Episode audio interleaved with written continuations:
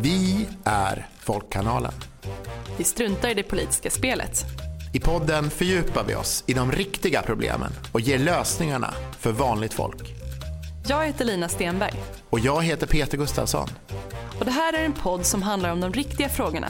De som spelar roll på riktigt för vanligt folk.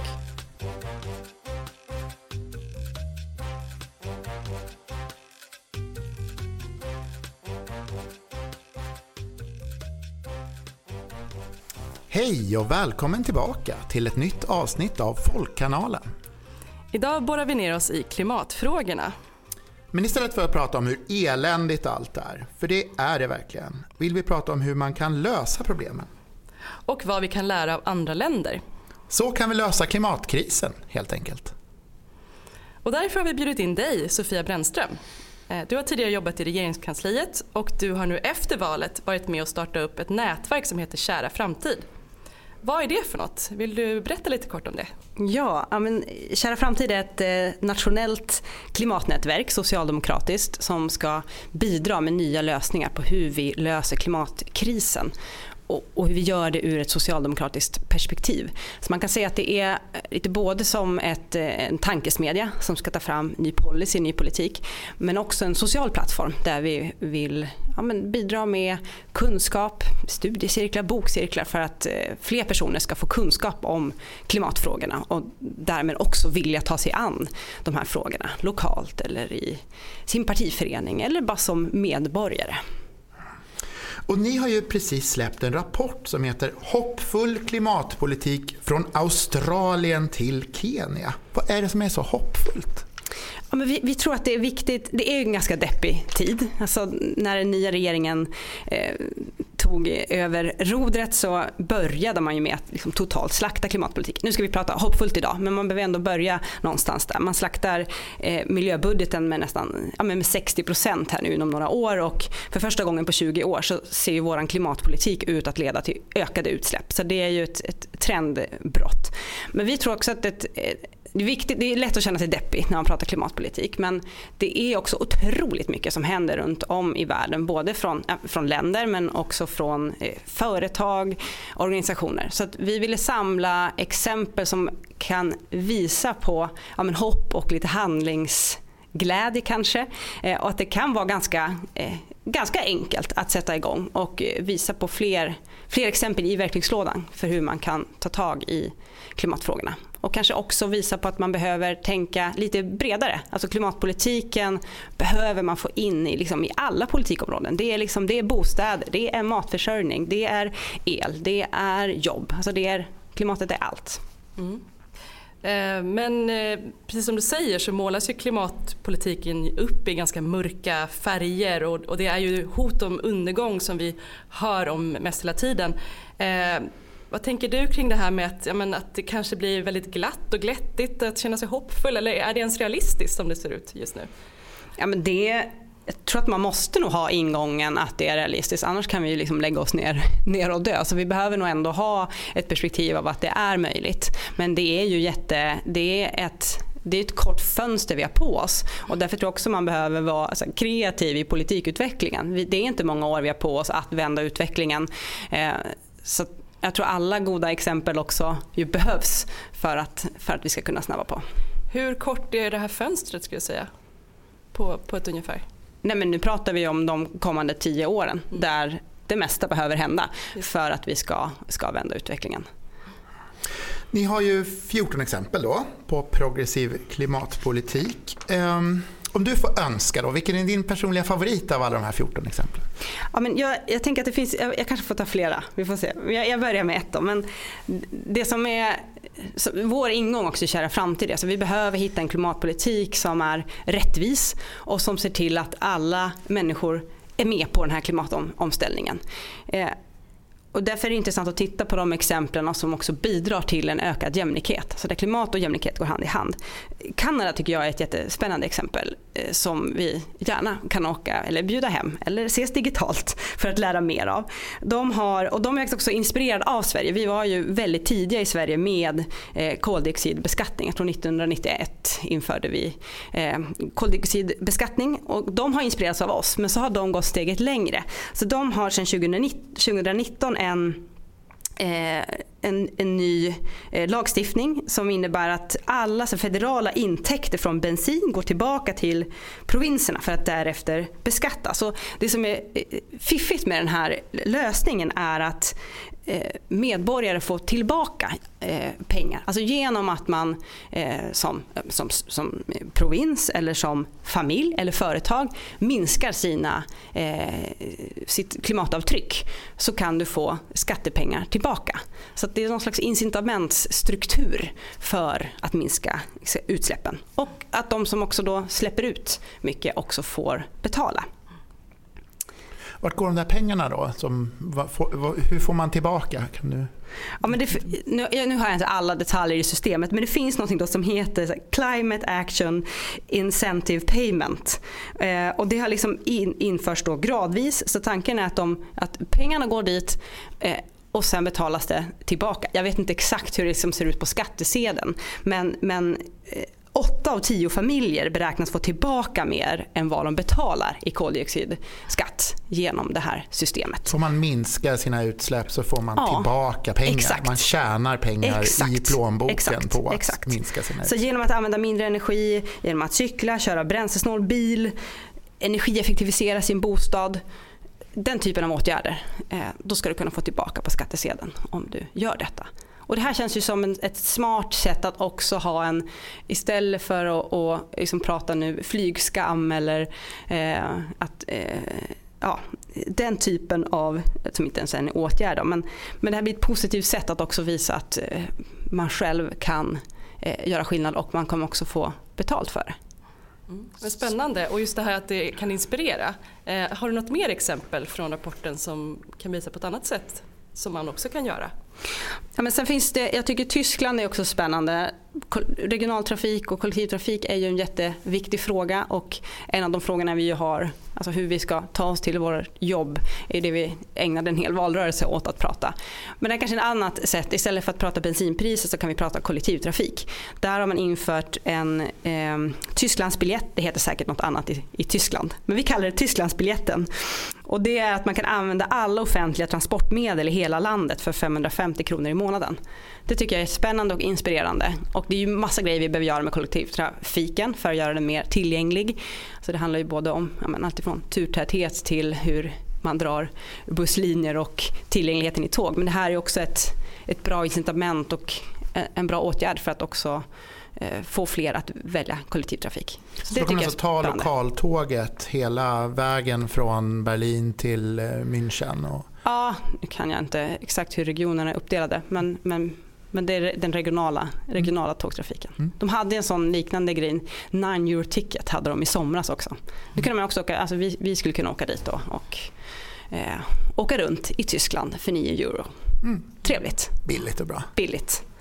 Och jämlikt. Och jämlikt. Men sen tänker jag också det finns massa spännande exempel som jag tänker ganska enkla, alltså med ganska enkla medel så kan man få ner utsläppen. Jag tänker med flygtrafiken till exempel.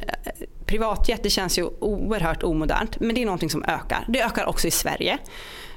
Här har eh, Schiphol till exempel i Amsterdam, där förbjuder man nu eh, privatjets från att lyfta eh, eller använda flygplatsen. I Frankrike så förbjuder man också flygtrafik på kortare sträckor. Så det, är ganska, det låter ganska enkelt och, och det kan ju dra ner utsläppen ganska rejält.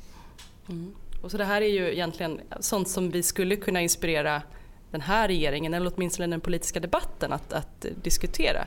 Mm. Eh, känner du att ni har fått något gehör för den här rapporten och de här, de här exemplen hittills?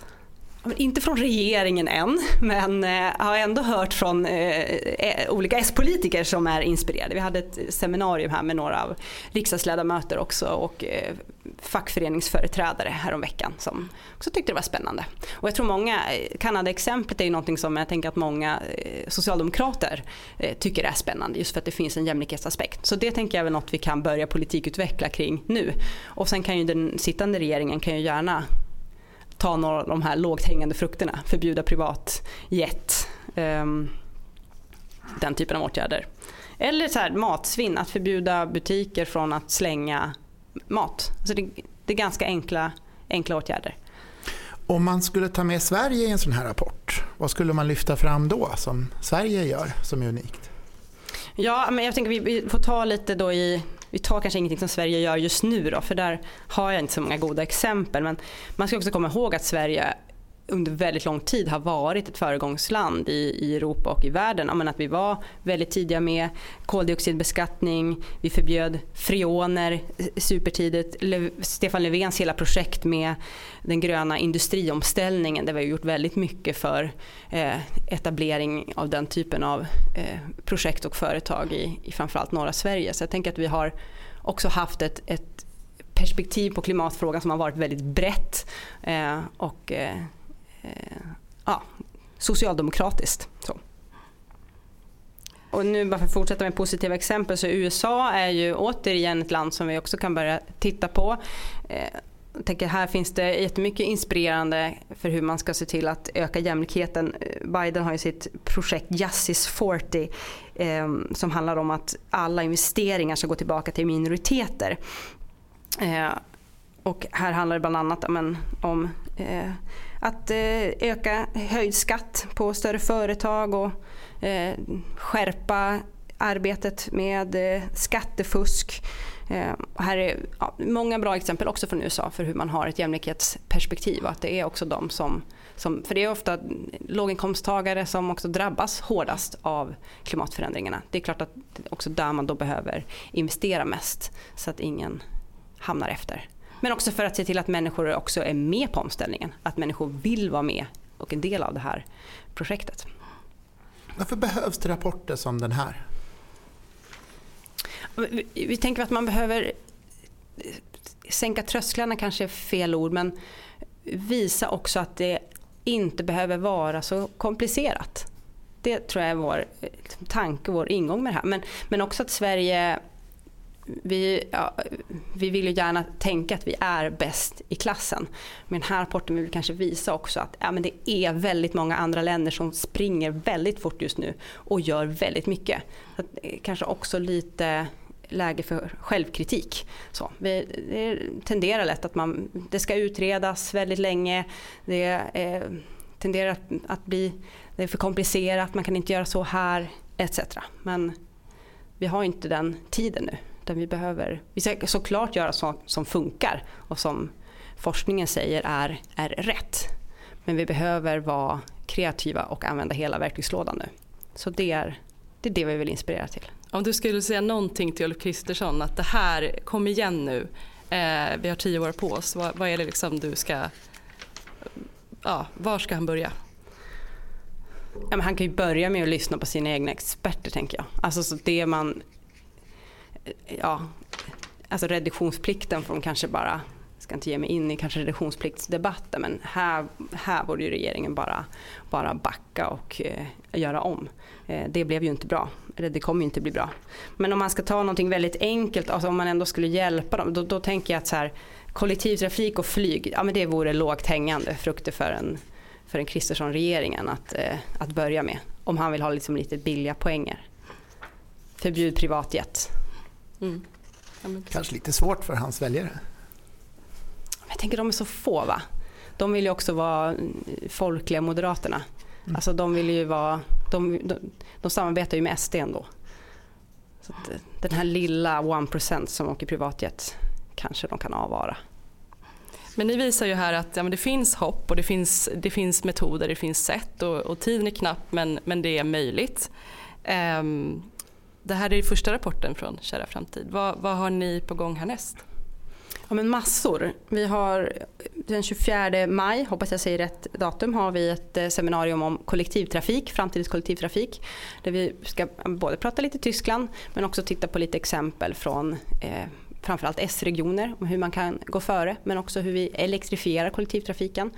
Men sen har vi också dragit igång arbete nu med policygrupper och det betyder att vi har eh, tillsatt arbetsgrupper som ska ta fram ny politik och då ska vi titta på hållbar, eh, på matproduktion, på biologisk mångfald, vi ska kika lite på EU och eh, industrins omställning. Så de grupperna är igång och arbetar så det blir väldigt spännande att se vad vi, vad vi kommer fram till.